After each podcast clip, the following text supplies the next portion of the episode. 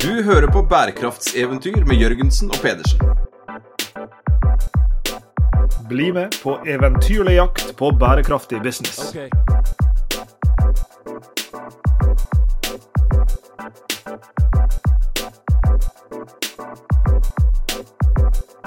I denne episoden av Bærekraftseventyr Sveinung, så er det repostingstid igjen. For vi eh, Jeg vet ikke om det er noe med våren eller om det er noe med snøen. Men i alle fall så blir vi invitert til å komme på eh, ulike podkastbesøk om dagen. Og, så nå igjen har vi vært eh, på Greenpod, som er podkastserien til eh, energiselskapet Greenstat. Eh, og med podkastvertinne Liv Hege Seglsten, som vi eh, kjenner godt og som vi har kjent lenge. Som har jobba med bærekraft i, eh, i dette landet her i veldig mange år. Eh, Og hun inviterte oss til å være en av tre gjester i en trilogi om bærekraftige forretningsmodeller. Da var det jo lett å si ja takk. Veldig. Eh, og vi har jo kjent Liv Hege lenge. Eh, og hun har jo fulgt vårt arbeid, og vi har fulgt eh, hennes i, i ulike roller over tid. Og den, den samtalen her ble jo også en litt sånn eh, en, en spasering ned denne, denne veien. Eh, og, og en av de tingene som vi, vi prata rundt eh, i denne episoden, er jo den boka som vi ga ut i 2013 som het 'Ansvarlig og lønnsom strategier for ansvarlige forretningsmodeller'. For jeg lurer på om det kanskje er Liv Hege som har lest den boka mest nøye av alle. Hun har i hvert fall lest den mer nøye enn du har. Men uh, vi, vi ble jo litt uh, overraska, og, og, og hyggelig overraska, når, eh, når vi møttes inne i dette podkaststudioet og Liv Hege tok opp et uh, velbrukt uh, eksemplar av denne boka, som eh, Hva var det du sa den ble gitt ut? Var det 2011? var det? 2013. 13 var det. Mm. Eh, og og um, Jeg var ung ja, var og visste alt. og, og det som eh, på et vis tok oss ikke litt på senga, men vi endte jo opp med, å- med å måtte tenke tilbake igjen. og, og sånn sett var jo litt interessant Sveinung, at for noen episoder tilbake, jeg lurer på om det kan ha vært i samtalen vår med Joel Berge om etikk og økonomi, eh, så kom vi jo litt inn på noe som vi har registrert i det siste, nemlig at, at det akkurat som at det blåser en liten sånn etikkvind og verdivind og ansvarsvind. Det blåser jaggu masse vinder over eh, næringslivet om dagen, og over samtalen om bærekraft. Fordi der det kanskje kunne være sånn for en, en, en, en 10-12-15 år siden at når vi kom og snakka om bærekraft, så, så, så sa vi bærekraft, men det folk hørte var etikk. Mm. så er det nesten nå kommet litt sånn motsatt. altså At, at, eh, at vi snakker rundt omkring om bærekraft, og så syns folk at det, det vi snakker om er business, og så begynner de å- bringe opp etikk. Ja, men hva med ansvaret for slik og sånn?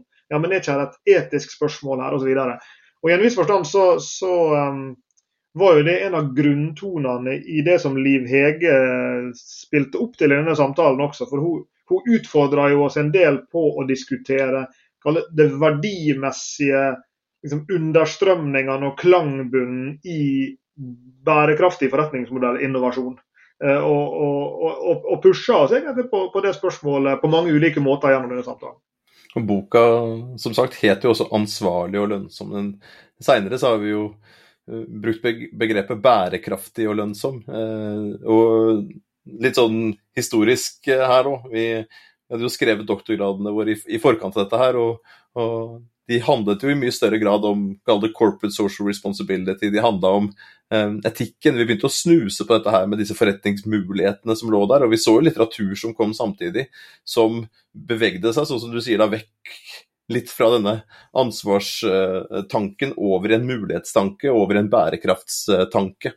Eh, og jeg husker jo innledningen av den boka, 'Ansvarlig og lønnsom', så sitter vi og kritiserer en del av disse forskerne, eh, kollegaer, som da hadde et veldig mulighetsorientert syn på dette her allerede da. Så vi kjørte ganske hardt, hardt ut der. Eh, og, og en av de som, som fikk gjennomgå litt og, i, i den boka, er jo Porter og, og Kramer, som er en, en, en artikkel om, om 'creating shared value', som nå skulle bytte ut Corporate Social Responsibility, altså CSR, med CSSV. Eh, og de ser jo veldig på mulighetssiden, og innledningsvis i denne artikkelen de skrev da i sin tid, i 2006 eller noe sånt, i Harvard Business Review, så, så skrev de innledningsvis at før vi begynner å jobbe med disse mulighetene, så må alt dette med ansvar og sånn være på plass først. Nå, nå parafraserer jeg litt, altså. Men liksom, alt det, dette her som gikk på ansvar og etikk, det måtte, det måtte, man da rydde opp i først. Og så kunne man se på disse mulighetene. Men de hoppa jo ganske elegant bukk over eh, alt det vanskelige, harde arbeidet som, som går da å se på seg sjøl i speilet som en virksomhet, og, og, og, se på hva man har ansvar for um, på, uh, i, in, internt i virksomheten, ned mot leverandørene, men da også opp mot kundene, og hvordan kundene bruker produktene, uh, eventuelt nyter godt av tjenestene, og hva som skjer etterpå, særlig da med, med produktene. Um, så, så, vi fikk en liksom påminning her, og, og det var jo en del sånn godbiter i den den boka som kanskje drukna litt da vi, da vi skrev en litt sånn kortere eh, bok, altså Restart, som kom ut eh, noen år etterpå, sånn type 17, 2017, og som vi seinere oversatte til eh, engelsk eh, og utvidet. Og I den utvida engelske versjonen så tror jeg vi trekker mer av disse diskusjonene inn igjen, med den norske lille 150-siders boka som var skrevet Sånn at man eh, Ja, mer som en sånn type flyplassbok som man kunne ta med seg litt på farta og få en litt sånn oversikt. Det mista nok litt av den derre mm. diskusjonene uh, som, som, var i ansvarlig og lønnsom. Og, og, sånn sett så er det gøy med denne episoden, som vi skal få høre nå uh, snart. At, at, at, vi går litt tilbake og, og, og ja, tar litt sånn, litt sånn tunge knebøysøvelser, på en måte, og, og ser litt på ansvaret og etikken og en del av de tingene som vi diskuterte denne gangen, opp igjen på nytt. Og må, med fare for å havne i verdens minste kommentatorboks til en episode som lytterne snart skal få, få høre her, så, så jeg har lyst til å kommentere bare to ting. For jeg, jeg, husker det godt fra samtalen at det var to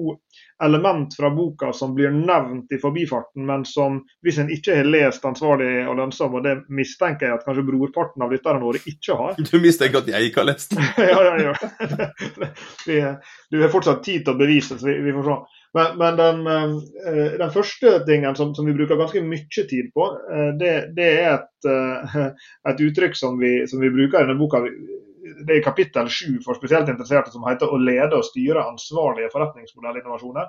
Der diskuterer vi hvorvidt en eh, det vi i dag vil kalle en bærekraftig forretningsmodellinnovasjon, vil kreve at lederne i virksomheten omfavner en slags form for verdimessig reorientering. Altså at en ikke bare gjør andre ting, men at det er i en viss forstand andre verdier, eller en sånn verdikursendring som ligger under, som driver dette. Det er jo en sånn diskusjon rundt dette med indre motivasjon som mange er opptatt av. Og det henger kanskje litt sammen med purpose-diskusjonen som har blåst over næringslivet de siste åra eh, også. Så det er en sånn første del av dette her som, som, eh, som liksom er et throwback til denne boka. Da, dette spørsmålet om er det nødvendig med en sånn type verdimessig reorientering, eller kan du gjøre endringene i en viss forstand i kall det, overflaten uten at det må gripe inn i kall det purpose, kall det verdier, kall det hva du vil, som ligger under og driver dette fram. Eh, en annen ting som jeg husker at Liv Hege sier helt i forbifarten, eh, og det ligger litt sånn i, i som et underliggende grunnlag for hele ansvarlig og lønnsom-boka. For den vokste jo ut av en artikkel vi skrev to år tidligere som heter The, and, nei, The Why and How of Corporate Social Responsibility, hvis jeg husker rett. Et av de første arbeidene du skrev sammen. Eh, og Der diskuterte vi tre dimensjoner av liksom, the why, how og etter hvert the so what of, of CSR. Altså spørsmål om ja, hvorfor driver bedrifter med det. Indre motivert kontra kall det ytre motivert, strategisk motivert. Eh, og how, som var da integrert i forretningsmodellen kontra ikke integrert i forretningsmodellen. Og så leder dette inn i en diskusjon om ja, so what, hva blir da effekten av dette. Så når Liv Hege sier dette, det kan være greit å vise at, vite at det er det hun henviser tilbake igjen til. For hun sier diskusjonene om motivasjon, integrasjon og effekt. Og, og i det så ligger altså denne her samtalen om skillelinjene rundt ja, hvorfor gjør en det indre ytre, hvordan gjør en det integrert eller ikke, og hva er det det leder fram til. Og Det er jo samtaler som fortsatt i aller høyeste grad lever i beste velgående i, i uh, næringslivet. Senest i dag tidlig Sveinung, hadde jeg og du veiledningsmøte med en uh, executive gruppe på, på executive-programmet vårt Sustainable Business Strategy. Og Et av spørsmålene de diskuterte, var også et spørsmål om betyr det noe om lederne som driver fram grønne innovasjoner, har en liksom, verdimessig forankring som er liksom indre motivert for å gjøre det, eller betyr ikke det noe? Så, så Dette er jo liksom, høyst levende samtaler i dag, eh, mer enn eh, en ti år senere. Så med det sagt, uh, tusen takk uh, Liv Hege for uh, praten. Takk for at du dro det opp igjen fra glemselen og, og utfordra oss. vi skal absolutt ta med oss dette her videre i, i, i vårt arbeid, og, og, ikke glemme det han har sagt, og, og trekke det opp igjen. og håper dere, lytterne våre, setter pris på episoden, dere også.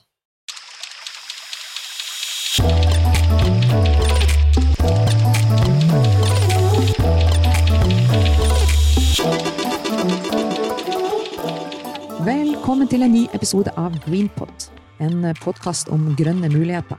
Produsert av energiselskapet Greenstat. Mitt navn er Liv Hege Segersten, og i denne andre episoden i triologien om bærekraft så har vi i dag invitert med oss Sveinung Jørgensen og Lars Jakob Tynes Pedersen, som har jobbet med forskningsbasert innovasjon og bærekraft i mer enn 20 år. De har skrevet en rekke bøker og artikler om bærekraftige forretningsmodeller, er professor ved Norges handelshøyskole, NHH, og er for mange kjent som podkastverter i podkasten Bærekraftseventyr. I denne episoden skal vi utforske hvordan bedrifter kan utforme og innføre forretningsmodeller som er både ansvarlige og lønnsomme. Vi skal reflektere over den faglige utviklinga av bærekraft som fag, eh, hvor flere og flere nå tar til orde for en verdimessig reorientering, og snakke om hva er egentlig problemet? Er vi for raske til å løpe til løsninger som ikke er gjennomtenkt, og ikke har denne økologikken som vi behøver nå? Eh, for å få kloden, og ikke minst folkene som bor og lever på kloden, innafor tålegrensene igjen.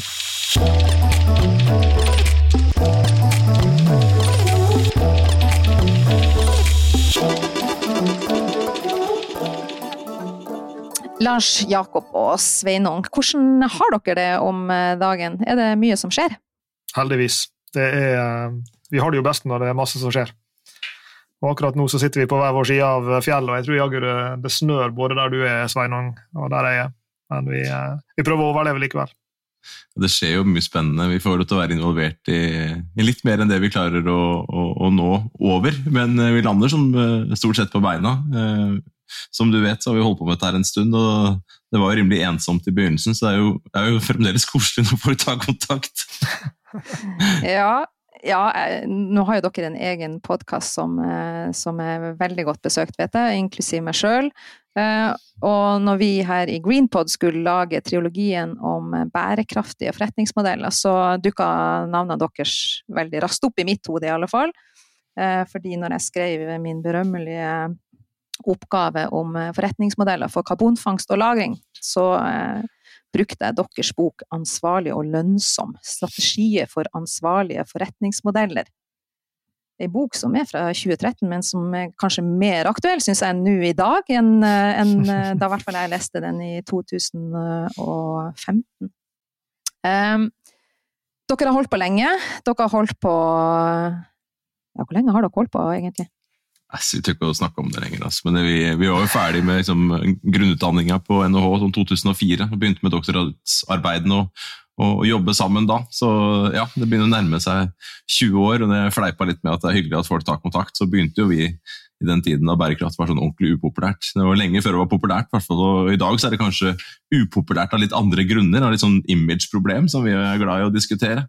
Eh, men på den tiden der så måtte vi jo nøste opp litt både i litteratur og det å forene bærekraft og ansvarlighet etter hvert.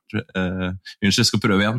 Uh, ansvarlighet og lønnsomhet, og, etter hvert mer og mer bærekraft. og Prøve å finne ut av det og se hva som rørte seg på forskningsfronten og også praktikerfronten. Det var et, et stykke jobb som måtte gjøres, og det, det felte vi jo ned, da, hvis det heter det. Nedfeltet i denne boka, sånn ca. 2012, da, ansvarlig og lønnsom. Ja.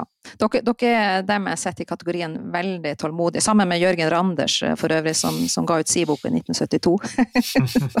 Enda mer tålmodig. ja. Eh, men kan ikke vi bare liksom få helt fra, fra kilden av denne fantastiske boka? For øvrig så, så kommenterte også eh, eh Vegard Frihammer, vår, vår, Green Executive, at han hadde også lest boka, og han syntes den var knallbra. Og kona hadde lest boka også. Så det her er jo det er ei veldig relevant bok. Men kan vi få rett fra kilden her nå. Hva er en bærekraftig forretningsmodell? Ja, Det er et spennende spørsmål. En, en, måte som vi i dag, når vi, vi har jo store masterkurs på NHH, vi underviser på executive og, og greier med, med, disse temaene her. og oftere og oftere så, så, pleier vi å begynne nesten med sånn eh, heter den gamle Bare Egil-bandlåten uh, 'Selvportrett etter eliminasjonsmetoden'. Uh, altså at vi, vi pleier å, å, nesten definere det i kontrast til ok, det, det finnes mange ubærekraftige forretningsmodeller der ute. Vi er veldig glad i en artikkel av en kollega av oss som heter Nancy Bakken. og, og og en annen fyr som heter Samuel Short, som heter Unsustainable Business Models, der de tar for seg ni bransjer og bryter dem ned og ser på hva er de grunnleggende forretningsmodellene i disse bransjene, og, og hva er de ubærekraftige trekkene ved, ved, ved dem. Eh, og, og, gjennom den der typen sånn, altså Du starter i en viss forstand, du starter negativt. da, Du sier at ok, her er noen sånne institu institusjonaliserte, inngrodde, ubærekraftige trekk. Eh, og de bærekraftige forretningsmodellene de skiller seg jo eh, gjerne fra, fra disse her på, no, på noen systematiske eh, måter, Sveinung, og du skal få lov til å, å plukke opp videre. For, for, det er jo da en da må begynne å spørre seg ja, hva, hva er da den, den, bærekraftige for noe? Ja, og jeg har lyst til å gå enda litt dypere inn i løken. Ja, så trenger ikke å gå så nerdete til verks. Jeg skal ikke skremme noen her, men, men, jeg mener ikke å skremme noen her. for vi snakker jo begynner jo rett på bærekraftige forretningsmodeller, og så, og så glemmer vi jo litt hva, unnskyld, hva, hva, hva, forretningsmodeller er for noe. Eh, og forretningsmodellen, apropos når vi gikk ut fra NHH sånn 2004, eh, da, så var det jo ikke noe snakk om forretningsmodeller i noe av de kursene jeg hadde tror jeg, på den tiden der. og Det ble ikke brukt som begrep så mye i forskninga, men rundt uh, tusenårsskiftet så, så, kom jo dette forretningsmodellbegrepet opp. Uh, og Fram til da så hadde vi jo strategien, gudskjelov. Altså, vi hadde jo strategifaget som kunne hjelpe oss til å skjønne hva en, hva en bedrift var for noe. Uh, hva en organisasjon var for noe, og hvordan organisasjonen kunne se seg selv kontra hvor den ønsket å gå, og kunne gjøre analyser av, av, av seg selv, av konkurrenter, av leverandører, av kunder. Og så hadde man ganske sånn det var ganske enkelt på den tiden. Hvis du drev et hotell, så, ja, så var jo konkurrentene dine stort sett hotell. Drev du et taxiselskap, så var jo konkurrentene dine stort sett taxiselskap. Eh, men på den tiden der så begynte det å poppe opp andre typer virksomheter som ikke lignet på de som var før. Eh, jeg klarer ikke å tidsangi det akkurat nå, men hotellene etter hvert fikk jo konkurranse av Airbnb. Eh, og, taxiselskapene av Uber osv. osv. Da begynte man jo å spørre har man egentlig nok verktøy i den gamle strategiverktøykassa til å forstå hva disse organisasjonene eller virksomhetene er, eh, hvem konkurrentene er, hvor er det organisasjonen begynner og hvor er det den slutter. Eh, og Da begynte man å stille spørsmål rundt denne, denne forretningsmodellen, som vi etter hvert begynner å definere som en, en sånn, et system av aktiviteter, hvor Formålet er å skape verdi, men også da å kapre verdi ut av dette her. Og Det gir oss andre typer spørsmål og andre typer ja, analysemetoder da, for å forstå hvem vi er, Eh, hvem kundene er, hvordan kundene kan involveres i det vi gjør, hvordan vi skaper verdi, og så kanskje hvordan vi ødelegger verdi. Eh, så det gir en helt annen sånn anslag til å forstå hva en virksomhet er. Bare det å snakke om forretningsmodeller. Og så legger vi jo til bærekrafts, eh, denne bærekraftsdimensjonen. Og skal man f.eks. ha en sirkulær forretningsmodell, ja, hvor er det da denne organisasjonen slutter, og hvor er det den begynner? Kundenes rolle oppi dette her. Eh, hva skal man gjøre med designdelen av det? Skal Man forestille seg, man må forestille seg en verden hvor kanskje ikke kundene eier produktene på samme måte som før, men at de har tilgang til dem, osv. osv. Da får du en ekstra dimensjon rundt det. så bære, altså, unnskyld, eh, Forretningsmodeller er jo vanskelig nok i seg selv, eh, fordi at det skal beskrive noe som ikke er så enkelt. ikke sant? Og så skal vi da ha denne bærekraftsdimensjonen rundt det. Og vi trenger det. Vi trenger forretningsmodellen for å skjønne hvordan vi skal jobbe med bærekraft. Og så er det jo litt med, med, Når vi skal koble sammen disse to ordene til det du spurte om, Liv Hege, bærekraftige forretningsmodeller, så er det jo en sånn frase som, som har blitt han er på en måte blitt så innarbeid at en kanskje nesten glemmer litt hva, hva en mener når en sier det. For det, det som en ofte hører folk si, er at ja, i en bærekraftig forretningsmodell så er kall det bærekraftsavtrykk av det som vi ofte på økonomispråk kaller for positive og negative eksternaliteter. Altså disse bivirkningene av at virksomheten er til for samfunn og miljø. Så Noen av dem er positive, og noen av dem er negative. og Det er jo utgangspunktet for liksom det å tenke på bærekraftigheten eller ubærekraftigheten. Og, og så denne frasen da, som en ofte sier at ja, disse, disse eksternalitetene, eller, eller liksom forsøkene på å håndtere dem, blir en integrert del av måten bedriften skaper, leverer og kaprer verdi på. Altså Det blir en integrert del av forretningsmodellen. Enten det da betyr at ja, vår bedrift driver ja, tilfeldig eksempel, vi, vi driver med grønn energiproduksjon. Ja, ok, da, da, er det integrert i det som en tenker på som et slags verdiløft ut mot en kunde. Eller det kan være, som, som Sveinung var inne på i stad, ja, en delingsøkonomisk forretningsmodell. ja, Da er det på, i en viss forstand mer inne i liksom, verdileveringsdelen. Hvordan er det vi rigger oss for å levere mobilitetstjenester? Jo, vi gjør det ved å, å piggybacke på de bilene som folk allerede eier, og så kan de leie hverandre sine biler gjennom vår plattform. Så, så på ulike måter så baker du det inn i logikk logikken om hvordan bedriften fungerer. Logikken om hvordan bedriften løser problemet for sin kunde eller sin bruker eller klient eller pasient. eller hva det måtte være, eh, og, og logikken bak hvordan en tjener penger eller i alle fall genererer inntekter og, og får dekka kostnadene sine ved å gjøre disse tingene. Så, så den integreringa av kall det, bærekraften på den ene sida og forretningsmodellen på den andre, det er jo det, er jo det som på, på, et vis er, er nøkkelen her. Det er jo liksom den store sånn um, ja, det er jo der det liksom går, går, sammen i en, en, sånn høyere enhet, den, den, bærekraftige, eller kanskje den mer bærekraftige forretningsmodellen. Forretningsmodellen mm. Hvor disse negative påvirkningene på samfunn og miljø har blitt mindre, og de positive ringvirkningene for samfunn og miljø har blitt større. Ja, og så syns jeg jo altså ja, boka kom ut i 2013, og hva har skjedd med konteksten siden da? Altså, ja, både som du også, Sveinung, er inne på, at, at bare det forretningsmodellbegrepet, det var jo det, det syns jeg òg liksom, det, det, det, er jo noe vi snakker veldig mye om nå, hvordan vi kaprer å mm, mm. verdi. Og, og, og, vi har jo en hel haug med sånn business model canvas og, og mm. ulike verktøy for, for, å ha søkelyset på forretningsmodellen. Men så kommer jo, altså i dette tannhjulet som dere bruker i, i, i, deres bok eh, og i deres rammeverk, så, så kommer jo dette med samfunnsansvar også inn. Um, og, og, det der jeg syns at, uh, at vi kanskje Altså, den Der er det ikke så enkelt for oss. liksom ingen, å, ingen, ingen deler av dette her er enkelt. Det er jo vanskelig.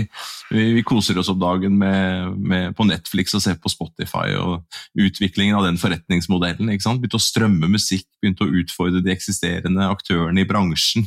Enten det var uh, plateselskapene eller artistene. ikke sant? Uh, og, så, så, så, Hvordan da designe disse forretningsmodellene? Uh, og, og, og, hvordan skulle de da uh, svare på det, de andre aktørene, når Spotify kom? bare for å ta et lite eksempel. så Det er jo ikke enkelt. ikke sant? Og Bedrifter i dag, om de, om de selger biler Lars Jakob var inne på det, det er disse ubærekraftige forretningsmodellene. da. Om det er transport, eller om det er de som lager klærne våre, eller, eller gjør andre ting som vi setter pris på ja, Hvis de da skal begynne å endre på dette, her, hvilken del av det skal de endre, og hvordan skal de endre det? Og Så nevner du samfunnsansvaret oppi det. da. Eh, hvordan ta inn over seg da, som Lars Jakob var inne, på disse negative sidevirkningene som vi har et ansvar for. Eh, hvordan integrere det eh, ansvaret inn i kjernen av det vi eh, holder på med.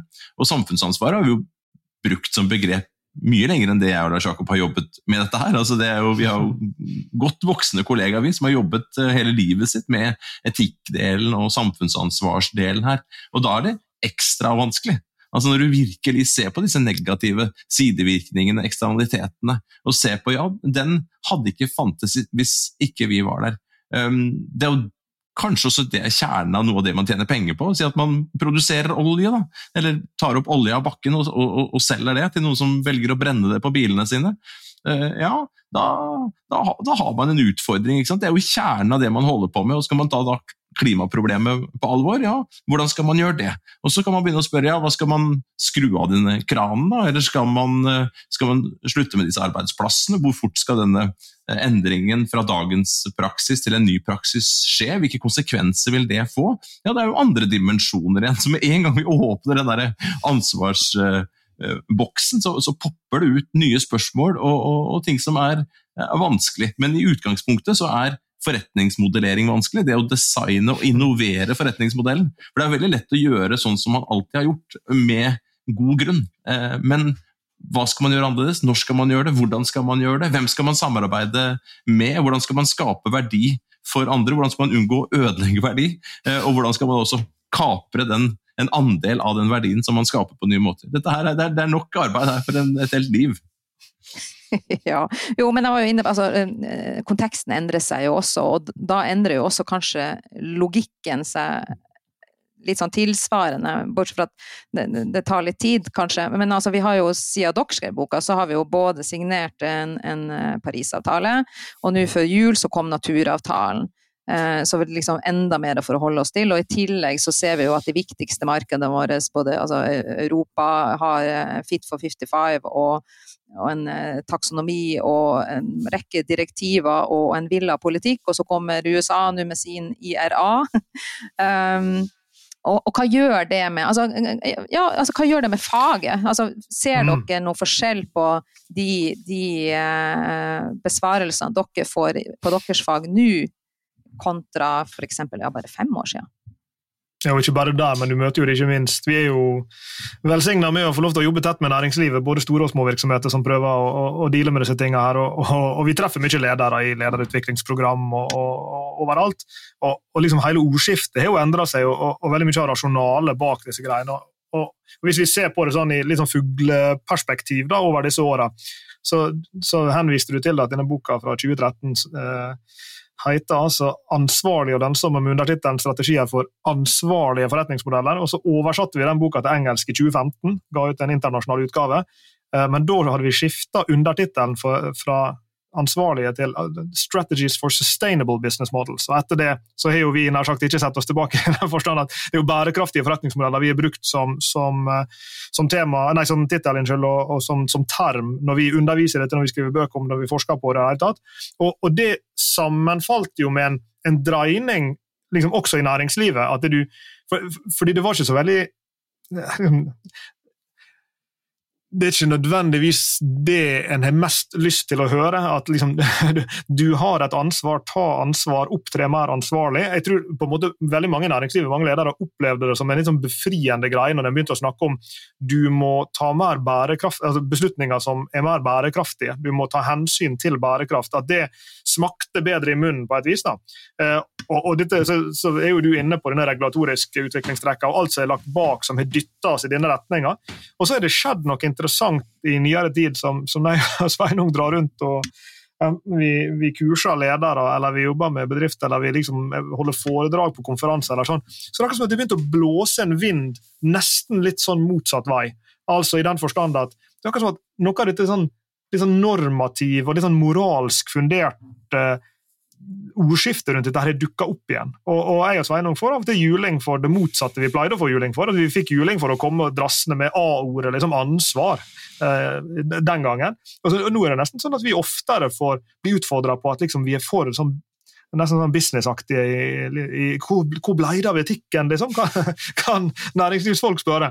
Eh, så, så, så, det er litt sånn interessant, eh, og, og, kanskje er det fordi at dette her blir mer selvsagt. etter at du, du, får, liksom, du, får, taksonomi, du får åpenhetslov, du får alle disse reguleringene som på en måte gjør at men dette her er jo part and parcel av det en CFO i et stort norsk selskap eller en konsulent eller revisor i PwC eller EY eller KPMG sitter og jobber med hver eneste dag. Det er blitt helt sånn selvsagte deler av businesslivet og businessbeslutninger og businesspraksiser. Ja?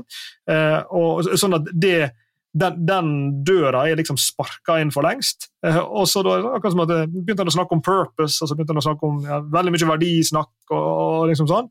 Og, ja, så, så, over tid der, så det, det, ting bølger litt fram og tilbake. Det er liksom pendelbevegelser som, som jeg syns er interessante å, å, observere, og som påvirker måten disse tingene blir snakka om, og, og selvfølgelig da også hvordan de blir tenkt, tenkt på å jobbe med. Ja, nei, men, og det er derfor jeg mener det, altså denne boka er høyst relevant. For når jeg brukte rammeverket i f.eks. denne eh, ansvarskuben, så, så, var det jo på den måten at, at jeg og, og Katrine Kirkevåg som skrev denne oppgaven om karbonfangst og -lagring og forretningsmodeller for det eh, sammen, kom frem til at ja, f.eks. CO2-prisen måtte jo bare stige. Altså, og det var jo i dette tannhjulet når vi begynte å se på samfunnsansvar, altså motivasjon, integrasjon og effekt. Uh, og jeg, da husker jeg veldig godt at jeg diskuterte dette med noen forskere, jeg trenger ikke å si hvor de hørte til, men de bare sa det der kommer aldri til å skje at eh, CO2-prisen kommer til å stige på det nivået som dere snakker om. Og vi gjør sånn nei, nei, det gjør kanskje ikke det, men, men det var nå det som måtte til for at vi skulle få denne forretningsmodellen i det hele tatt litt lønnsom. Eh, og nå ser vi jo at, at eh, CO2-prisen har jo virkelig skutt i været, og, og, frem mot 2030 så kommer den til å ligge på ja, er det ikke 2000 kroner per, per tonn, eller noe sånt. Eh, og en, ja, stor økning. Og, og, og, der ligger jo Det er der jeg syns verdien ligger, da. I, i, altså, i det du må ta samfunnsansvar, så må du vri hele forretningsmodellen din og, og, alt du gjør og, og, hvordan du leverer verdi og, og skaper verdi, og uh, nettopp fordi at du får det denne ansvarsaspektet. Altså, og dere snakker jo også om verdimessig reorientering. Og, og, da må mhm. du jo begynne å se mot deg sjøl. Ok, hva er det som er viktig mm. for meg når jeg nå skal inn i denne her bedriften og skape, skape verdi? Er det kun mm. pengene, eller skal pengene bare være et middel for å nå et annet mål, altså for å skape arbeidsplasser eller trygge lokalsamfunn, eller sørge for at vi betaler skatten tilbake igjen, til, ja, osv. Så, så, så rammeverket er, står seg jo. ja, og der, og der, er vel vi antageligvis på et vis blitt mer agnostiske tror jeg, enn vi var den gangen, i den forstand at vi ser jo nå, og kanskje pga. de utviklingstrekkene som, som, vi snakker om her, i VG, som, som, dels er regulatoriske og dels er ja, bare sånn nesten sånn sosio... Altså, utviklinga i sosiokulturelle verden rundt oss. Klimaendringene blir mer akutte, vi ser det mer, det er, liksom, det er mer oppe i dagen. Det er veldig mange ting som skjer, og som påvirker eh, hvordan, hvordan, eh, bedrifter jobber med dette, hvorfor de jobber med det, hvordan de snakker om det, um, osv. Og, og jeg tror vel at, at sånn i dag ja, du, du, vil finne mange eksempler på bedrifter som er virkelig sånn ja, igjen, Jeg brukte ordet 'purpose' i stad. Liksom, veldig sånn verdifokuserte virksomhetene. Ta liksom et Patagonia eller liksom sånn, Det er veldig sånn tydelige eksempler på selskap som, som dytter det der front and center i det de driver med. Da. Men så tror jeg nok også at vi kan gå rundt i, i næringslivet og peke på store og små bedrifter hvor liksom, bærekraftsforbedringer vokser fram ikke pga. en fundamental verdimessig reorientering fra deres side, men fordi at det er hensiktsmessig. Litt, litt det samme som at liksom elbilandelen er skutt sånn opp i Norge, ja, det er en konsekvens av at det har vært billig, det har vært lett, det har vært attraktive biler, det har vært uh, utvikling av infrastruktur og alle disse tingene som ikke har noe med verdier å gjøre. Og så er det helt sikkert verdier inne i bildet for noen av kundene, og, og kanskje mer over tid, hva vet jeg. Men, men, det er så mange andre ting som påvirker, og litt sånn tror jeg, tror jeg det her også at ja, det finnes massevis av grønn innovasjon som skjer, viktig og stor grønn innovasjon som skjer av andre grunner enn det verdimessige. Og så kan du, kan du, nok argumentere for, og mange av våre kollegaer argumenterer for det at for å få til en virkelig sånn sustainability transitions, og gå over fra det brune til det grønne, ja, da trengs det en slags sånn kollektivt skift i, i, mindset og verdier. Og, sånn. og, og det kan godt hende det er riktig at, at, det må til for at vi virkelig skal klare å bryte de store, brune, ubærekraftige mønstrene liksom, over til noe grønt. Eh, men jeg tror nok at det er eksempel på veldig mange lommer med, med, god grønn innovasjon som kan ha helt andre motiv, som bare kan være at dette ser vi er forenlig med å kutte kostnader, eller dette ser vi er forenlig med å posisjonere oss til å kunne være leverandør til bedrifter som etterspør at vi skal bli grønnere. Eller, altså at, at, det også finnes massevis av sånne kall det pragmatiske eller, eller beint fram eh, finansielle motivasjoner til hvorfor en velger å gå i en grønnere retning. Da. Jo, og da er vi jo inne på det som er vinn-vinn, og, det er jo alltid de lavthengende fruktene som man alltid, alltid starter med. Og så er det i, i, i takt med at, at uh, Som du sier, altså vi er jo i realiteten et tidsvitne til eh, at uh, klimaet endrer seg, og arter dør ut i et, et tempo som er, ja, nesten ikke går an å ta inn over seg, egentlig. Uh, og hva gjør det med, med, eh, hvordan vi greier å komme i handlemodus? For det er det jeg ser at det er fortsatt utrolig mye prat, og det er veldig bra prat. Masse gode løsninger eh, på, på sol og vind og hydrogen og karbonfangst og, og, det meste. Altså teknologien har vi det, men så er det det hvordan greier vi å komme i handling, da? Mm. Til å liksom ta det første steget med å investere i løsningen, ta det i bruk og, og, og og, og, for meg, som har, og sikkert for dere òg som har jobba så lenge med det, så, så, er det sånn eh, logisk brist at vi ikke greier å gjøre det. Eh, og da det, spør jeg meg jo mange ganger hva er det som gjør at vi ikke greier å komme i handlingmodus? Har dere noe, har dere noe godt svar på det? ikke sånn ikke i én setning, tror jeg. Det er mange mange, mange ting som skjer og ikke skjer på, én en gang sitter og tenker litt tilbake her, siden du drar opp den der, si, gamle boka, ja, hva vi tenkte da. og Lars Jakob sier litt med overgangen fra ansvar til bærekraft. og Vi har brukt et ord her flere ganger, innovasjon, knytta opp mot disse forretningsmodellene og samarbeidet mellom eh, bedrifter og, og, og, så videre. Altså, jo på disse regulatoriske endringene som har skjedd. og nå i dag så, så litt redd for at det blir veldig mye sånn det vi kaller på utenlandet sånn compliance. At, at, det blir veldig mye rapportering og veldig mye sånn måer. Da vi begynte, så var det jo litt sånn, vi prøvde å finne kanskje litt sånn alternativet til ansvaret på et vis. Ikke den boka, men det som sprang ut og arbeidet videre. For det var litt sånn tungt. ikke sant? Åh, så tungt det ansvaret, Man måtte gjøre det hele tiden for å på en måte bøte for noe. Og så ble vi fascinert av disse, disse mulighetene som, som, som, lå der, og prøvde å inspirere til innovasjon, til å tenke ut nye produkter og, og tjenester, nye prosesser, nye samarbeidsformer. Alt det som, liksom, som, spinner rundt der, som vi får lov til å drive med hver eneste dag, og som gir en enorm glede da, eh, å, å jobbe med. Eh, også i dag så er det litt sånn der, ja, dere nevner det, men det kommer opp den ansvarsdelen igjen og verdidelen her igjen. Men jeg synes også det kommer veldig mye sånn lover og regler. og mm. Over 10-15 år siden, når vi liksom begynte å virkelig engasjere oss i dette, her, så var det mange som sa nei, vi det vi trenger er reguleringer. Det vi trenger er reguleringer. Og nå er liksom reguleringene kommet, og så er liksom ikke det sånn. Og kanskje ikke det heller eh, som skulle til. da. Så hva er det som virkelig skal til for å sette fyr på dette her over hele linja, med åtte milliarder mennesker? Eh, på denne, denne, kloden. Dobbelt så mange som i gamle dager da jeg ble, ble født. Eh, og med ditto behov for alt fra kalorier til å, å fø seg på, til klær, til å ha lyst til å reise og gjøre alle andre, andre ting. Så hva er det som skal til? Og tenk på de årene du nevnte, alle disse ja, siden, bare siden boka, disse ulike avtalene. Da. Så skal man få da, Asia og Amerika og Europa og liksom Alle skal stille seg bak det og, og gjøre, gjøre, grep. Og så er det jo ofte sånne grep, da. Liksom, vi, vi, klarer jo ikke helt å finne bare gladveien ut av dette, men det er jo veldig mye sånn Å, nei til det. Ikke skal du spise den maten du liker. Ikke skal du eh, kjøpe de klærne eh, som du er glad i. Helst skal du ikke reise.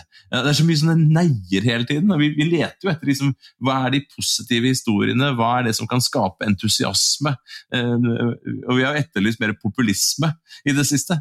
Inspirert av en kollega av oss borte i USA. Liksom, populisme må vi må, vi må, ha mer populisme, bærekraftspopulisme. Eh, vi, har rett på faktaene.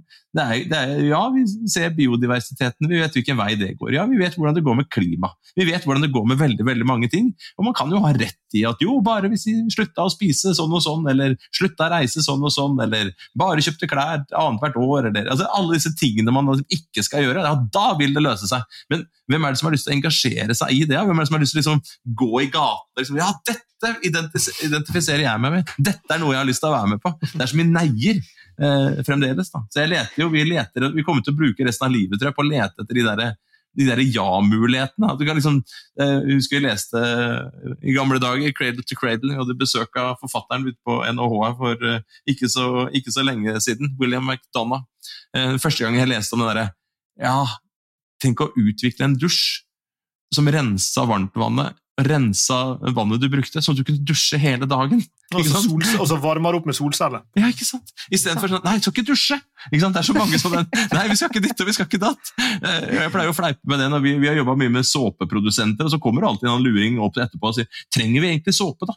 Er det ikke nok med eddik? Altså, pleier jeg å si, da, skalla som jeg er. Ja, hvis alle hadde vært klipt sånn som meg, så hadde jo, hadde jo løst sjampoproblemet. Men det er jo ikke, det er jo ikke, det er ikke mange jeg kjenner som har lyst til å se ut sånn som meg. for å si sånn.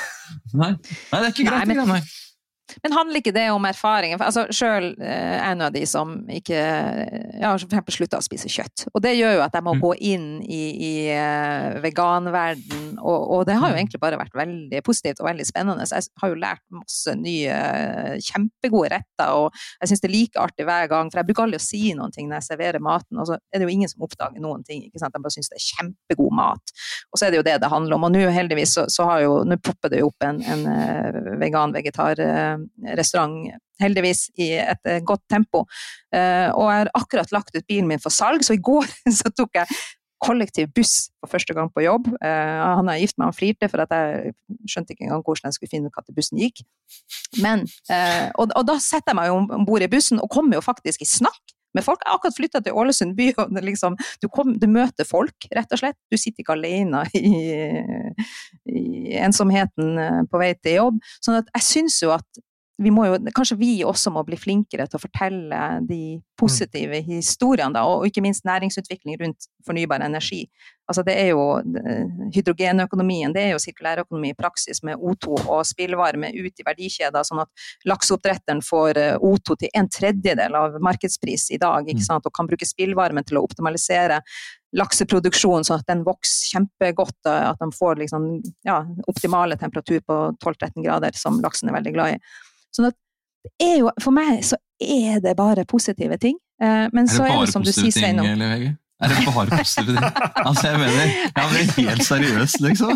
Altså, sånn, jeg begynner å lure liksom, på promillenivået sånn midt på dagen. Altså. Jeg, jeg, jeg fleiper, men ja, ja det, er mange, det, er mange, positive ting. Altså. Jo, men kanskje det er der vi kommer til den verdimessige motivasjonen. I den samfunnsansvaret så har dere mm.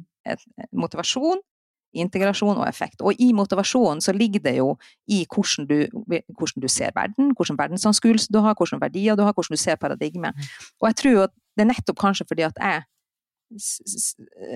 ja, for det første ligger litt uh, søvnløs fordi at uh, artene dør ut så fort. Og, og ja, jeg bodde 13 år på Svalbard, og der går klimaendringen 13, nei, syvgangen. Sånn at det er helt, altså for hver gang jeg kommer nordover, så, så kjenner jeg jo ikke igjen uh, landskapet. Sånn at, sånn at, der ligger jo min motivasjon, sant. Men samtidig så så, så, kan jeg jo ta et valg. Jeg kan legge meg ned og, og, være deprimert, eller jeg kan handle på det. Og nettopp det at jeg får lov å handle på det. Sant? Jeg, kan jobbe i Greenstat med de grønne løsningene. Jeg, har skjønt at det er sjøl som kan bestemme hva jeg skal ete og hva jeg skal kjøpe. Og, og, altså, det er jo jeg som bestemmer, det er jo vi som bestemmer. Det er jo ikke, det er jo ikke et sånn tatt av et system. og, sånn, og, derfor så er jeg kanskje handlende. Ja, men Det er jo der og, og, og sånn positivt vinkla. Jeg, jeg, tror det, vi, er, vi, er, nå ganske nært inne på det som er grunnen til at uh, da jeg og Sveinung begynte å jobbe med bærekraft for alle disse årene siden. og Vi kalte ikke det engang bærekraft eksplisitt, og vi kalte det for ansvarlighet den, den, gangen, men, men, det er jo liksom samme greiene. da. Uh, så valgte vi veldig raskt å, å, gripe det an fra et forretningsmodellperspektiv. Og, og det som vi snakker om nå, det, det, viser jo på en måte hvorfor. Ja, fordi, hva, hva, er det ved, Jeg brukte elbileksempelet, det som får slitt, men ja, der har en klart å lage noen forretningsmodeller, hvis en aksepterer elbiler som grønnere enn alternativer. Så har en klart å lage forretningsmodeller og en, og en infrastruktur innenfor, som, som, de opererer innenfor, som, som, gjør det enkelt og attraktivt for folk. Og så var du inne på, på um, på vegetarmat. her. Vi hadde nettopp en, uh, innspilt uh, vår egen podkastserie i en episode med, med Hanne Lene Dahlgren, som er vegetarentusiasten. og snakka om det her med ikke snakk om kjøttkutt og mindre av det og mindre av sånn. Snakk om ja, her er en deilig rett. altså It happens to be vegetarian. liksom. Altså Det å finne uh, altså, positivt løfte fram disse tingene som er attraktivt. og det er jo der jeg tror, Hvis du tenker på delingsøkonomien, da, den kan en også pro problematisere om ja, er det reelt sett mer bærekraftig med Det, det, krangler de om. ikke sant? Ja, du, de, du, deler på biler, men så ender du opp med å kjøre mer. eller du, du, du bruker Airbnb, men det fører bare til at du reiser mer. Altså, du har jo alle disse diskusjonene der. Men, men, hvis vi aksepterer deling som et i utgangspunktet mer en, en, mer bærekraftig form for kundepraksis, da, eh, så har en jo der klart å låse opp noen forretningsmodelldører som gjør at folk sier ja, du jaggu, jeg, jeg, kan godt bo hjemme hos Sveinung på Lillehammer neste gang heller enn å å, å ta inn på, på Hotell Hammer nede i, i Storgata, eller hvor det ligger. Eh, så, så der har en klart å, å, få på plass disse forretningsmodellene som gjør at folk sier ja, men du vet hva, jeg kan godt gå ned den veien der, fordi det der virker attraktivt for meg. Enten det vi snakker om er en elbil eller et vegetarmåltid eller en overnatting Eh, eller hva det nå enn er. Så, så, dette her er jo på en måte verdens største forretningsmodellutfordring. En positivt frama. Eh, et, et lite eksempel til. Jeg husker For mange mange år siden hadde vi en, eh, en leder Han skal få lov til å være, være anonym, han også, selv om det er en positiv historie. En leder fra, fra et stort avfallshåndteringsforetak som, som møtte studentene våre her på NHH.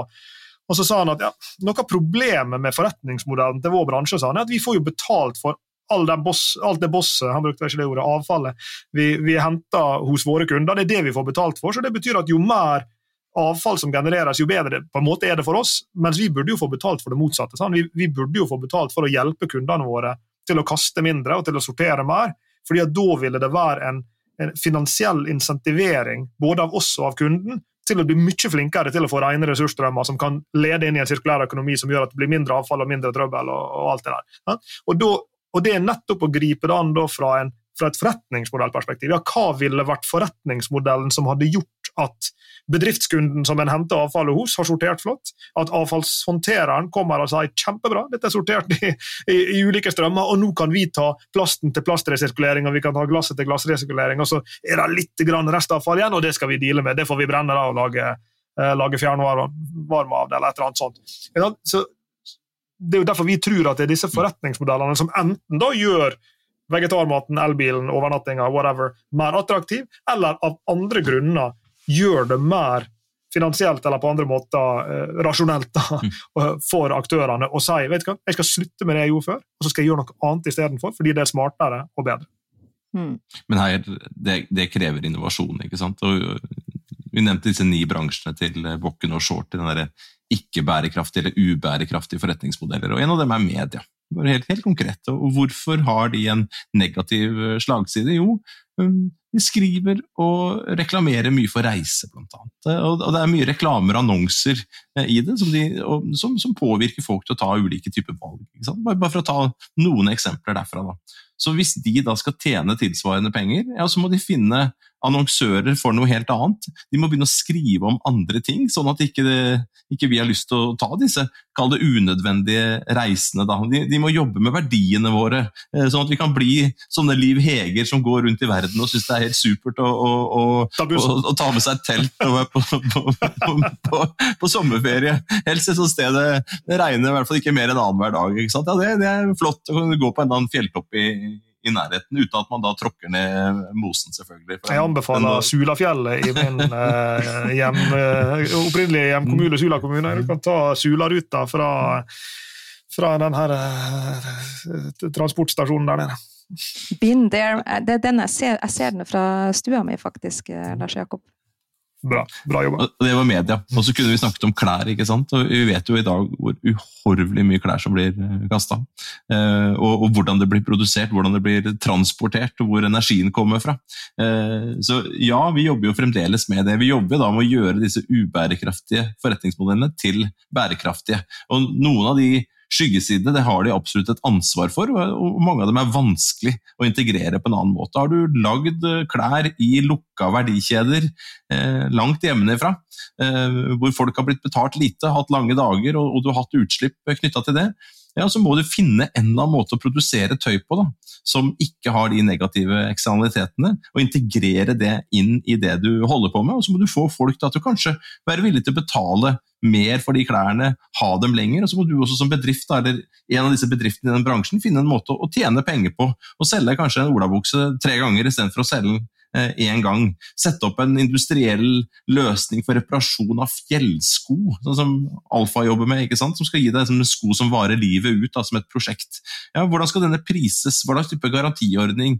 Eh, eh, hvordan skal man da gjøre det lønnsomt i all den tid? Det er mye billigere å få, få produsert en sko på en på rekke og rad enn å ta inn sko etter sko med ulike typer feil og mangler og reparere dem i henhold til andre leverandørs krav. Ikke sant? Så det er sånn der, det er jo disse tingene som må jobbes med inn i forretningsmodellene. Da må man skjønne det. Man må skjønne problemene med dagens. Eh, og man må da prøve å redesigne produktene, tjenestene, prosessene. Hvem man samarbeider med, hvordan skape verdi for ulike typer aktører på nye måter. og hvordan, Jeg, jeg, jeg, jeg tror dessverre ikke ennå, det kan hende at det vil være sånn i framtiden, Liv Hege, men, men jeg tror det være en nisje nisje der, ikke sant? Og, som, er, som er flott for, for, noen å betjene. Noen uh, veganske restauranter f.eks. Hei, jeg har hørt at Liv Ege er i byen, liksom. Jippi, nå tjente vi penger i dag også. Mens for de fleste andre uh, så har du egentlig lyst på å, å sette tenna i noe annet enn det. Uh, og hvordan skal de da finne attraktive måter. Hvordan skal de få hjelp til det? Hvordan skal vi utdanne kokker som har entusiasme rundt dette her? Hvordan skal leverandørene bare tilby sånn lett enkle uh, varianter. Like enkelt som å putte den der biffen med bearnés og litt pommes frites. Uh, så de aller fleste er, eh, er lykkelige.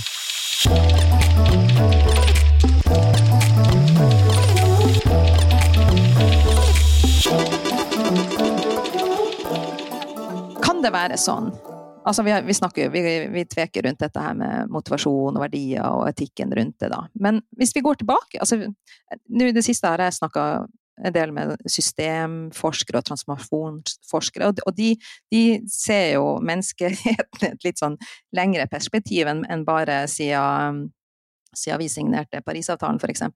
Men altså, hvis, hvis, vi går tilbake i tid, da. Vi hadde jo en økonomi tidligere med slaver, f.eks. Hvor, hvor vi på en måte syntes det var ok at noen skulle eh, ta fra dem friheten for å holde økonomien i gang. Eh, og så kom jo vi inn i opplysningstida, og det gjorde jo noe med hvordan vi så på oss sjøl i forhold til menneskerettigheter og, og, verdier og den type ting. Og, og, og, når jeg går inn og ser der, så altså, tok, jeg tror det tok ca. sånn 60 år fra vi greide, fra de første som protesterte mot uh, slaveøkonomien, til man på en måte gikk over til, til en uh, mer, la oss si, bærekraftig økonomi uten slaver. Eh, og de menneskene som først hevda at for, å bruke slaver var forkastelig, de ble kalt ekstremister. og litt sånn Kanskje sånn som du sier noe med meg, Svein, at, det er ikke så mange som dropper kjøttet for å, for å slippe ikke ha CO2 i atmosfæren. Men, og, og, så tenker jeg at nå går vi jo inn i den antropocene tidsepoken. Eh, eh, ja, fra holocen til antropocen, kanskje 12 000 år siden, så, så, så ja, gikk vi over i et skifte. Og at det gjør noe med oss på samme måten som vi i opplysningstida begynte å se på det vi holdt på med med litt andre øyne, så kan jo det at vi nå går inn i antropocen eh, geologisk epoke, gjøre at vi også at det reflekterer hvordan vi ser på oss sjøl. Og, og, vi snakker jo veldig mye om disse fotavtrykkene, men, men vi har jo masse håndavtrykk. Altså, vi har jo mm. teknologi og forretningsmodeller som, som, bare venter på å bli tatt i bruk av våre hender. Eh, kan det være med på å få fortgang? Eh, det at vi ser på oss sjøl på en litt annen måte? Jeg, jeg, jeg, tror at um, her er på en måte en, en um her er liksom en negativ, som, som er de fleste store spørsmål, er en negativ måte å svare på spørsmålet på, og en positiv. Så la meg prøve på begge. da. Så, så vil jo den, den, negative måten å svare på det på vil jo være å si at jo, det er jo sant at vi, vi slutter sånn nominelt å ha slaver. Samtidig så vet vi at statistikken viser jo at det er flere slaver i verden nå enn noensinne. Eh, og så er vi selvfølgelig mange flere mennesker, men som, så proporsjonalt og sånn. Men, men, det er jo fryktelig fryktelig mange som jobber under kall det moderne slaveriaktige Eh, arbeidsforhold i dag. sånn at på en måte Problemet er jo ikke løst. Men vi ble enige om en gang at vi skulle eh, slutte å ha slaver, men så bare fant vi nye måter å ha slaver på likevel. Og det, er den, det er jo den grusomme sannheten, på et vis. Men vi, så Samfunnet vårt kan på en måte vaske seg, så kan vi si at vi slutter med de der slavegreiene, mens virkeligheten er at vi har bare gjemt dem vekk på qatariske fotballstadioner og tomatplantasjer i Sør-Italia og, og, rundt omkring. Og så er det for, og, uh, lastebilsjåfører som kjører fra Romania til Norge uh, under slavekontrakter. Så, så, slik at Det finnes jo. Og Det synes jeg er et viktig moment å ta med seg. Og ikke bare det finnes, det finnes i massiv skala. Uh, og Det synes jeg er et viktig moment å ta med seg, fordi jeg tror at vi kanskje ofte lurer oss sjøl til å tro at vi blir flinkere til å løse disse problemene. Men så er det noe, og det, er derfor jeg sier dette er den negative måten å svare på det på, at disse problemene vedvarer fordi at the end of the day så er vi mennesker som gjør ting på måter som er enkelt for oss og beleilig for oss. og Hvis noen kan sy ei T-skjorte til så vi kan betale 39 kroner for istedenfor 99, ja, så jaggu om ikke veldig mange har lyst på denne T-skjorta til 39, som gjør at et eller annet sted nede i den eh, leverandørkjeden der, så skjuler det seg ikke bare én slave, men mange. Ja. Eh, og, og, Det er på en måte den litt sånn negative, triste virkeligheten som jeg tror vi må, vi må forholde oss til. Og, og, veldig mye av den innovasjonen vi snakker om den prøver jo da å finne måter å si at hvis det er viktig for folk å kjøpe en T-skjorte til 39 kroner, finnes det en annen måte å Kan vi 3D-printe den? Kan vi, kan vi, gjøre et eller annet som, som gjør den slaven unødvendig? Da kan jo være en, en måte å tenke på det på. Men det, det er den negative måten å, å, svare på spørsmålet på. Så er jeg selvfølgelig enig i det positive svaret. da, At jo, på veldig mange måter så blir jo vi mer opplyst og vi blir mer bevisst, og vi tar, vi tar valg som, som er, blir bedre langs mange dimensjoner over tid. Enten det er at vi begynner å faktisk ha, ha sånne bilbelter på ungene våre i baksetet. Jeg vokste opp i en bil uten. Altså, så, så, veldig mange ting blir vi jo mer opplyst på, og vi tar smartere valg.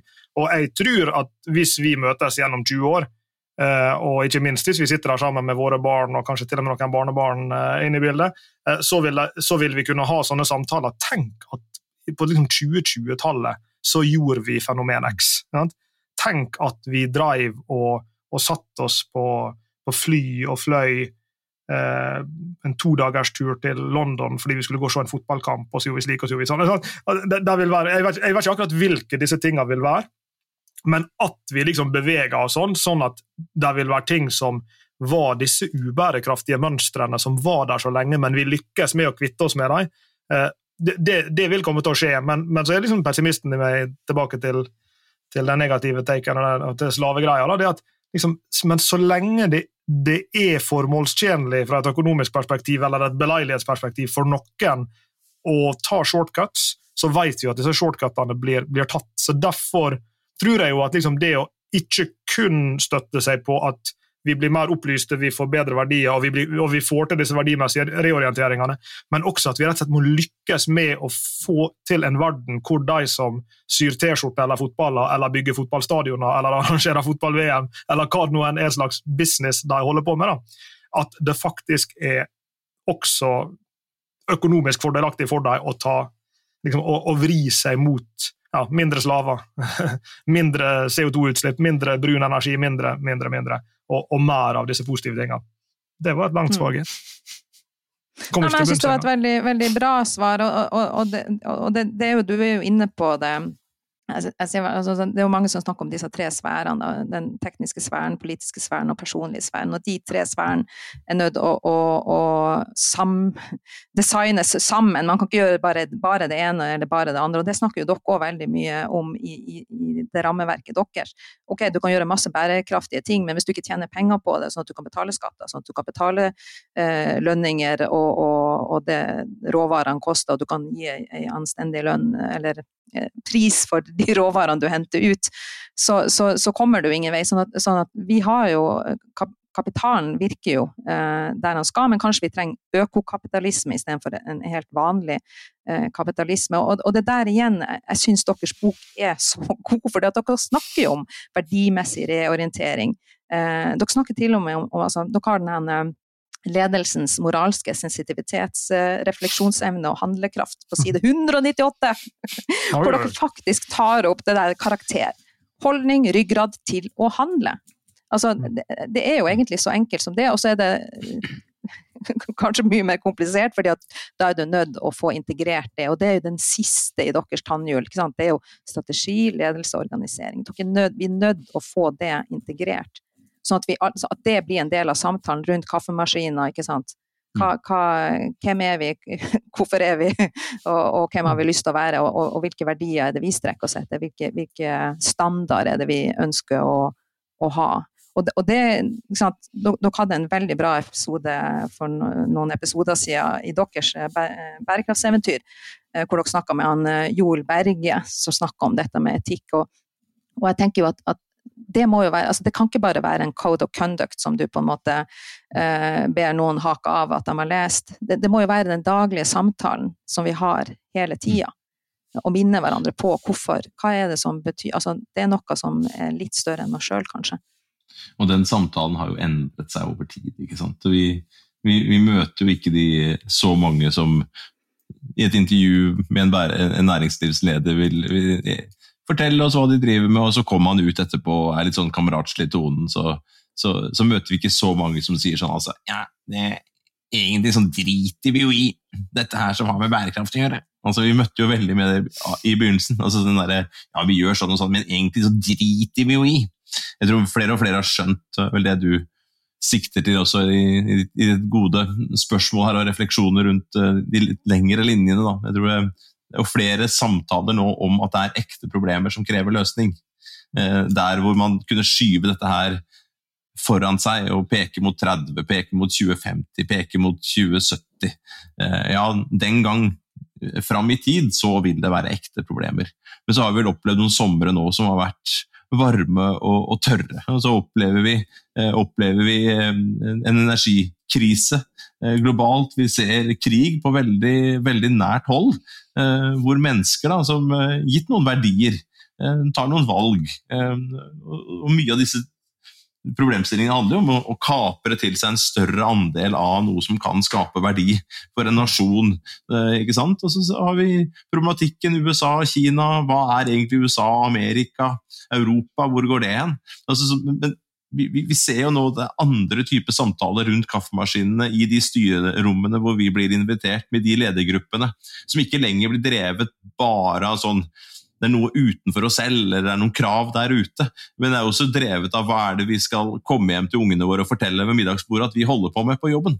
Eh, og Det er en annen form for diskusjon, eh, og en annen andre valg som, som kan tas da, ut fra å reflektere over de. Eh, for det er veldig lett å, Hvis man er helt ignorant og ikke tenker på det og ikke er en del av samtalen, så er det veldig lett å ikke gjøre noe. Men i det øyeblikket det kommer opp, når vi vet i dag at ja, ja, olje i den, den graden eh, blir brent. At man ikke lager medisin av det, eller ikke lager noe som er fornuftig og varig. Eh, og ikke har prosesser rundt det som binder opp enda mer karbon enn det vi slipper ut. ja, Da, da er det noen problemer. ikke sant? Og, det, og, det, og så, så, vet vi det. Eh, du nevnte fiskeindustrien. Vi jobber jo tett med dem og har kurs i sirkulær økonomi. Det sitter jo folk der også og vet at det er en del nedsider av den virksomheten. ikke sant? Og vi også, når vi er ute og forteller at vi jobber med den Eh, industrien, ja, så rynker jo folk litt på, på nesa. og, og er, er, er, det? Så sier vi ja. Her er det nok en industri med nok et fotavtrykk og nok en mulighet til å, å øke sine håndtrykk eh, over tid. Og Her må vi tenke nytt omkring hvilke produkter, igjen det har sagt det før, hvilke tjenester, hvem de samarbeider med, hvordan er det de da designer dette for å skape verdi for flest mulig, ødelegge mindre eh, verdi i det de holder på med, finne smarte måter å levere det på, eh, og, og kaper en, en gitt andel av av dette her. Og det, og det, kreves en form for kreativitet. Jeg husker jeg leste med, med stor interesse 'Alchemy' av Rory Sutherland, som forteller om, om, om, eh, om hvor mye det ville kosta å, å, utbedre toget mellom eh, London og Paris. Og De tallene de er så store at det er ikke noe vits å prate om dem engang. en gang. Eh, men så var det en luring som kom opp med at hvis de da hadde folk da, som gikk i gangen på de eksisterende togene og serverte mat og drikke, eller hadde underholdning av et eller annet, et eller annet, et eller annet slag, eller, eller, ga folk tilgang til wifi underveis, eller hva nå enn det måtte være, ja, så ville det også koste penger. Eh, men folk ville jo da tålt en mye lengre eh, togtur opp imot de mange mange milliardene det ville kosta å utbedre det eksisterende. Så hvordan er det vi kan gå gjennom disse systemene med disse slavene som, som finnes i dag? og Det koster ikke mer enn 20 dollar å ordne en slave. Det gir hun eh, gjeld og flytter han fra der han bor, gjerne tar med familien, så har du kontroll over han og familien hans til evig tid. ikke sant? Der, der hvor du holder på. Det er en kjempebillig, veldig effektiv måte å skaffe arbeidskraft på, og gir oss billige varer og tjenester. Ok, Gitt det, da, som Lars Jakob sier også her, ja, hva skal vi gjøre da? Hvordan, vi, hvordan, kan vi da håndtere dette her på andre måter?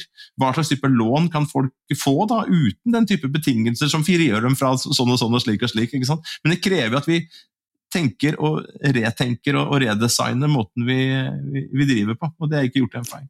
Og så tror jeg, Liv Hege, med det ledelsespoenget som du var inne på, som er så viktig, jeg kan nesten ikke huske å ha skrevet det kapittelet om ledelse, men når du sa det, så, så husker jeg at det var der. Eh, men, men, men der, Du brukte ordet karakter. Og, og karakter, Det er så lett å, å ha sånn vrengebilde av, av, ledelse at det er sånn der rive av seg T-skjorta og bare ja, nå tar vi et, det enkle, grønne valget, nå skjærer vi gjennom.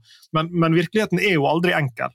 Uh, og, og, og, jeg tenker at De lederne som jeg blir mest imponert av, det er jo de, de som står der med beina dypt planta ned i konfliktene og, og, og problemer og paradokser, og sånn, så prøver de å ta gode valg fra der de er. De er i en bransje hvor det er utprega ja, moderne slaveriproblematikk i leverandørkjeden, eller der er, er utprega korrupsjon i leverandørkjeden, eller der er høy, høy utslipp, eller hva det måtte være, så prøver de å gjøre det bedre derfra. Eh, og jeg, jeg tenker tilbake Sveinung, på en eh, vi, satt, vi, hadde en økt med eksekutivstudentene våre sammen med en som, hadde, som har roller som um, men, altså direktør for menneskerettighetsproblematikk for, for, et stort stort internasjonalt selskap som var en av hovedsponsorene i Qatar-VM. Og disse flinke eksekutivstudentene våre de, de, stilte han selvfølgelig kritiske spørsmål. Dette var i, i det året hvor Qatar-VM fant sted. Og, og, og stilte han spørsmål ja, hvordan du, du som er menneskerettighetsperson, liksom, føles det godt å jobbe for denne hovedsponsoren for Qatar-VM? Og så syns jeg han svarte så utrolig godt for seg, og så balansert forklarte liksom de store store problemer som han så, som han våkna om natta og tenkte på. Men så kunne han samtidig se på empiri som liksom år for år viste hva de hadde fått til her, og hva de ikke hadde fått til der. og, og liksom, og, og som han sa, ja, disse produktene som vi produserer, de, de lages. Det er folk som kjøper dem. Disse leverandørkjedene som vi benytter oss av, de er der. Og, og så kan du si ja, sponsorer kunne du valgt å være for noen andre, men, men de er der de er. da. Og så skal de forsøke å forbedre seg fra der de er. Og jeg tror at de virkelig sånn heroiske bærekraftslederne, om du vil, det er jo de som orker å stå i de der konfliktene der, og liksom muskle seg gjennom det villnisset av utfordringer og, og paradoks og, og, motstridende krav for å prøve å finne smartere måter å, å løse disse kundene sine problemer. For de problemene og de ønskene til de kundene de går stort sett ikke vekk. De er der. Eh, og, mm. og, eh, og, så blir spørsmålet ja, hvordan kommer vi oss fra der vi er til noe som er bedre. Ja, og da, vi, vi går, altså, da, er det jo motivasjon, tenker jeg. da, Og, og igjen, tilbake til den gode boka deres, den verdimessige reorienteringa. At vi rett og slett må ha de gode samtalene. Mm. Og, og, i, i det, det dere kaller ledelses moralske sensitivitet, Eh, så, så, jeg har nesten lyst til å lese det høyt. En litt sånn høytlesning fra boka deres. For dere, dere snakker om karakter. Kan vi sette på en sånn rolig jazz i bakgrunnen? Det er vanskelig for en organisasjon å være årvåken for etiske problemstillinger som skjuler seg i bedriftens nåværende forretningsmodell, med hensyn til hvordan verdi både skapes, leveres og kapes. Men for at en ansvarliggjøring av bedriften ved en verdimessig reorientering skal finne sted, er det nødvendig at bedriften kan gjenkjenne hvilke verdier som står på spill i dagens virksomhet. Så har dere disse tre aspektene ved ledelsens moralske sensitivitet, refleksjonsevne og handlekraft. Og da er det første er karakter, altså holdning og ryggrad til å handle. Så snakker dere om bevissthet, som handler mer om at man får øye på det moralske aspektet. Og så er det refleksjon. Og der snakker dere om perspektiver for å gjøre etiske vurderinger. Det er jo helt nydelig. Skal man få til det her, så må man jo kanskje bevissthet. Altså, det betyr jo faktisk at du må sette deg ned og tenke litt grann, da, gjennom. Mm. Eh, du må diskutere med deg sjøl både opp og i mente for om dette er, en lur ting. Og, da, og da, da, bruker jeg jo alltid igjen komme tilbake til han, eh, han eh, godeste Einstein. If I had one hour to solve a problem, I spent 55 minutes thinking about the problem and five minutes thinking about the, the solution. Så, så det er jo ja, kanskje vi bruker rett og slett litt for kort tid til å diskutere hva er problemet. Og dere har jo faktisk en bok mm. som heter det òg! har dere ikke det?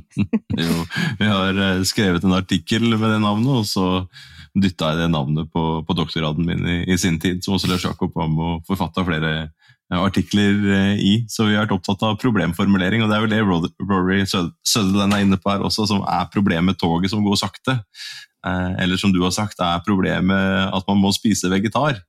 Eller er problemet at man må ta ferien litt nærmere? Eller er problemet er problemet? Eller kan vi redefinere dette her problemet og finne attraktive løsninger eh, på det? Attraktive nok. Og det, det, det er jo liksom litt av Kjernen av kreativitet er jo en god eh, problemformulering fra, fra ulike ståsteder, og gjennom det så kan man potensielt da komme opp med, nye, nye løsninger på, på det.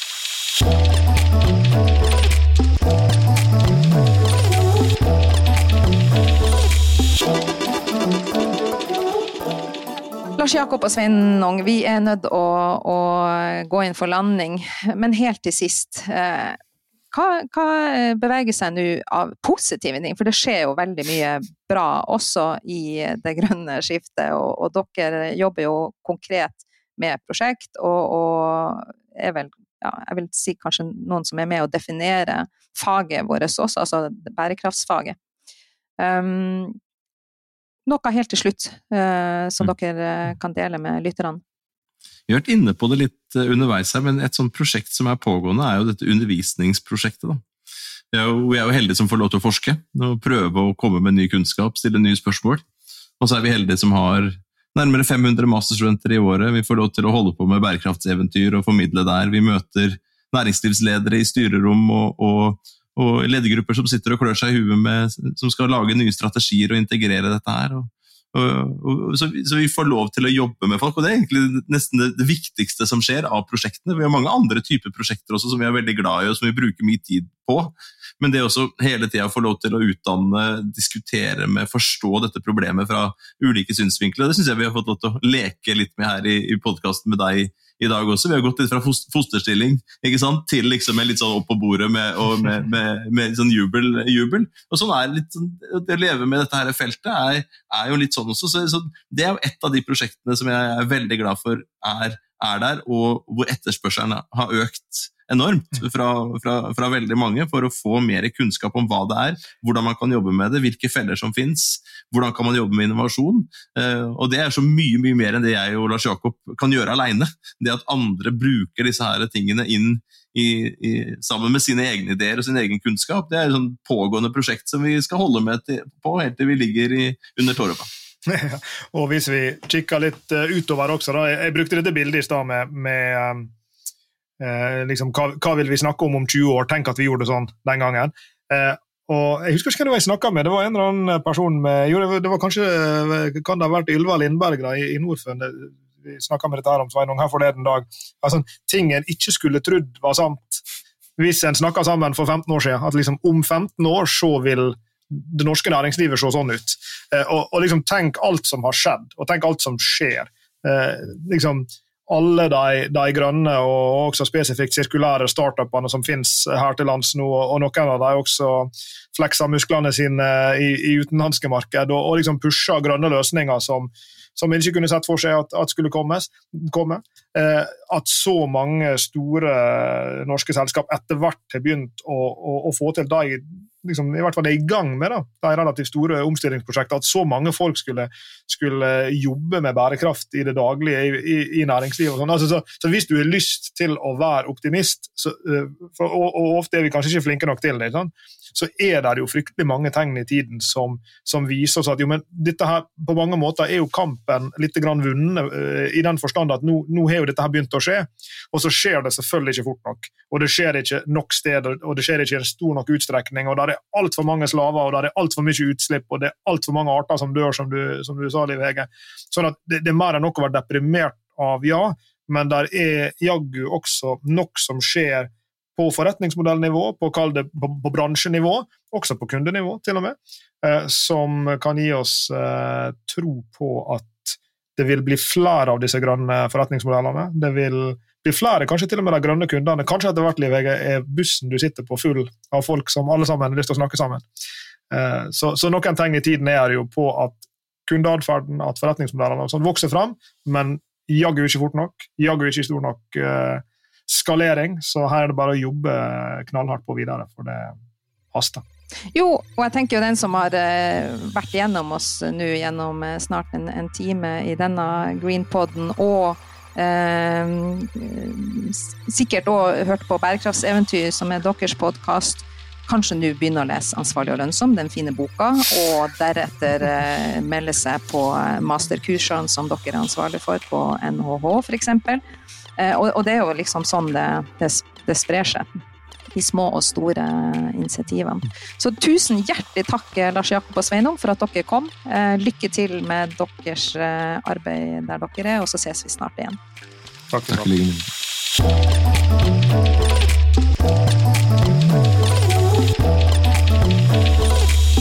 det.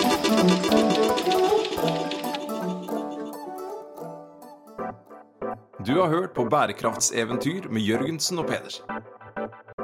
Send e-post til eventyr.krøllalfa.jorgensenpedersen.no for å stille spørsmål eller komme med forslag til tema for fremtidige episoder. Og besøk jorgensenpedersen.no for mer informasjon om denne podkastserien. Okay.